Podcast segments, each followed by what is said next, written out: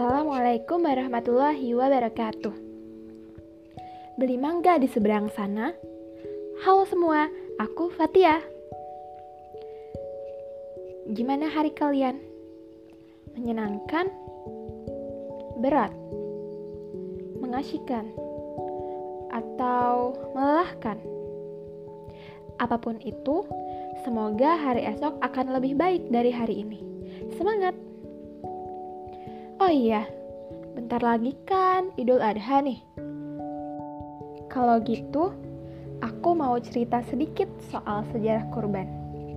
Kisah ini diangkat dari Quran Surat As-Safat. Dalam surat itu dikisahkanlah Nabi Ibrahim yang telah berusia lanjut belum juga dikaruniai anak oleh Allah Subhanahu wa taala. Beliau selalu berdoa, "Ya Tuhanku, anugerahkanlah kepadaku seorang anak yang termasuk orang yang soleh." Allah pun mendengar doa Nabi, dan diberilah kabar gembira bahwa dari istrinya yang kedua, yaitu Siti Hajar, akan lahir seorang putra. Bulan berlalu, lahirlah seorang putra yang diberi nama Ismail. Ia lahir di tengah-tengah padang pasir yang kini dikenal dengan kota Mekah. Suatu hari, Nabi Ibrahim harus meninggalkan anak dan istrinya atas perintah Allah di sebuah padang pasir yang tandus, sunyi, terik, dan tak ada seorang pun di sana kecuali mereka berdua. Dengan berat hati, Nabi Ibrahim meninggalkan mereka berdua dengan beberapa potong roti dan sebuah guci berisi air. Selama bertahun-tahun Nabi Ibrahim meninggalkan mereka, kerinduan pun menjadi tak terbendung. Beliau pun berangkat ke Mekah untuk menemui istri dan anaknya di Padang Arafah. Ketika itu, anak dan istrinya sedang mengembalakan hewan ternak setelah mengembalakan ternak, mereka melakukan perjalanan kembali ke Mekah. Di perjalanan, mereka beristirahat di Musdalifah karena kelelahan hingga akhirnya tertidur. Dalam tidurnya, Nabi Ibrahim mendapat wahyu melalui mimpinya. Ia diperintahkan untuk menyembelih putra kesayangannya Ismail sebagai bukti patuhnya Nabi Ibrahim kepada Allah. Mimpi Nabi berbeda dengan mimpi manusia biasa. Jika mimpi manusia bisa berasal dari bisikan setan, malaikat, maupun kejadian di siang hari yang terbawa hingga malam, maka mimpi Nabi merupakan wahyu dari Allah Subhanahu wa Ta'ala yang pasti sifatnya. Mendengar pesan tersebut, Nabi Ibrahim pun terkejut dan muncul keraguan dalam hatinya apakah benar pesan tersebut berasal dari Allah atau hanya bisikan setan belaka.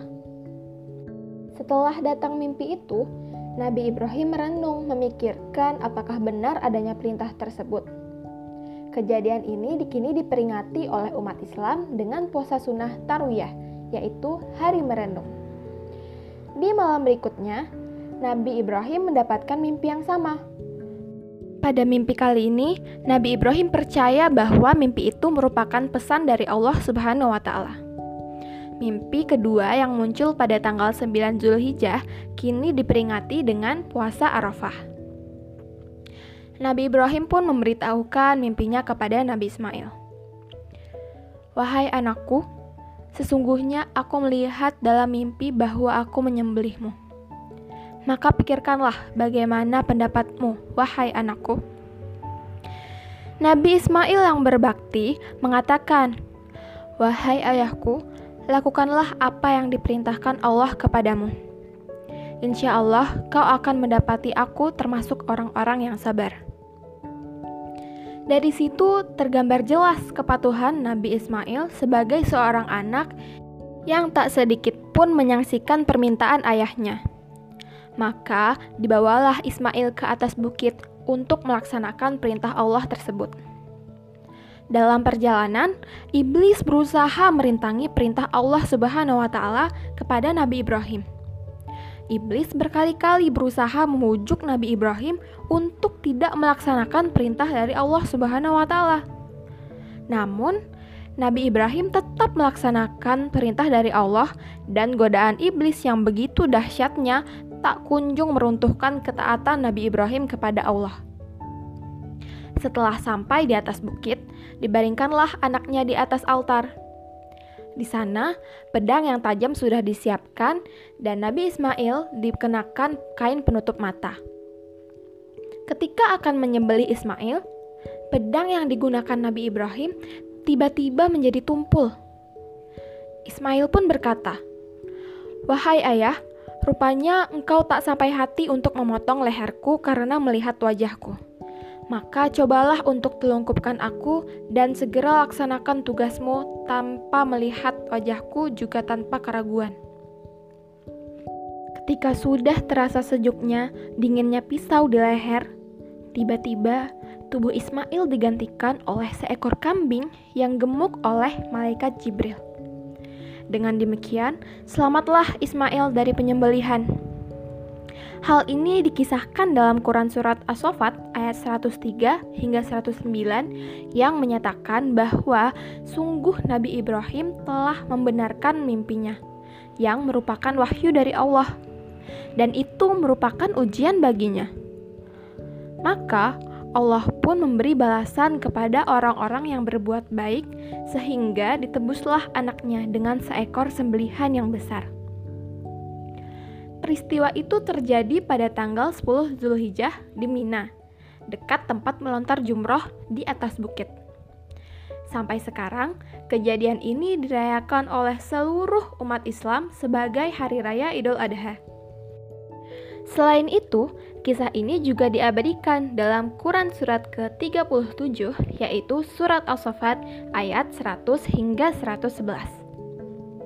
Nah, Pelajaran yang bisa dipetik dari kisah ini ialah kepatuhan kepada Allah dan pengorbanan.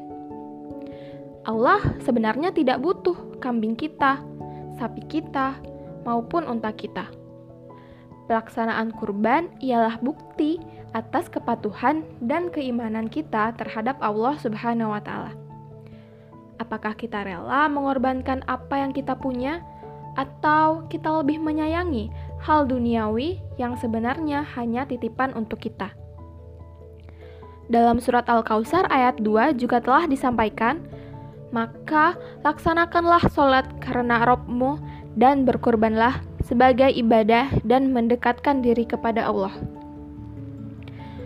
Ada pula kisah lain, yaitu kisah Nabi Muhammad SAW yang memotong sendiri 63 ekor unta sebagai kurban.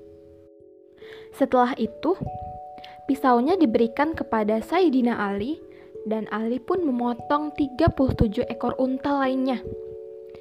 Jika dijumlahkan, maka totalnya menjadi 100 ekor unta. Padahal umumnya Nabi Muhammad SAW digambarkan sebagai sosok yang miskin, susah, melarat, bahkan bajunya pun compang-camping. Namun, Kenyataannya ketika berkurban, beliau mengorbankan hingga 100 ekor unta. Nah, bagaimana dengan kita?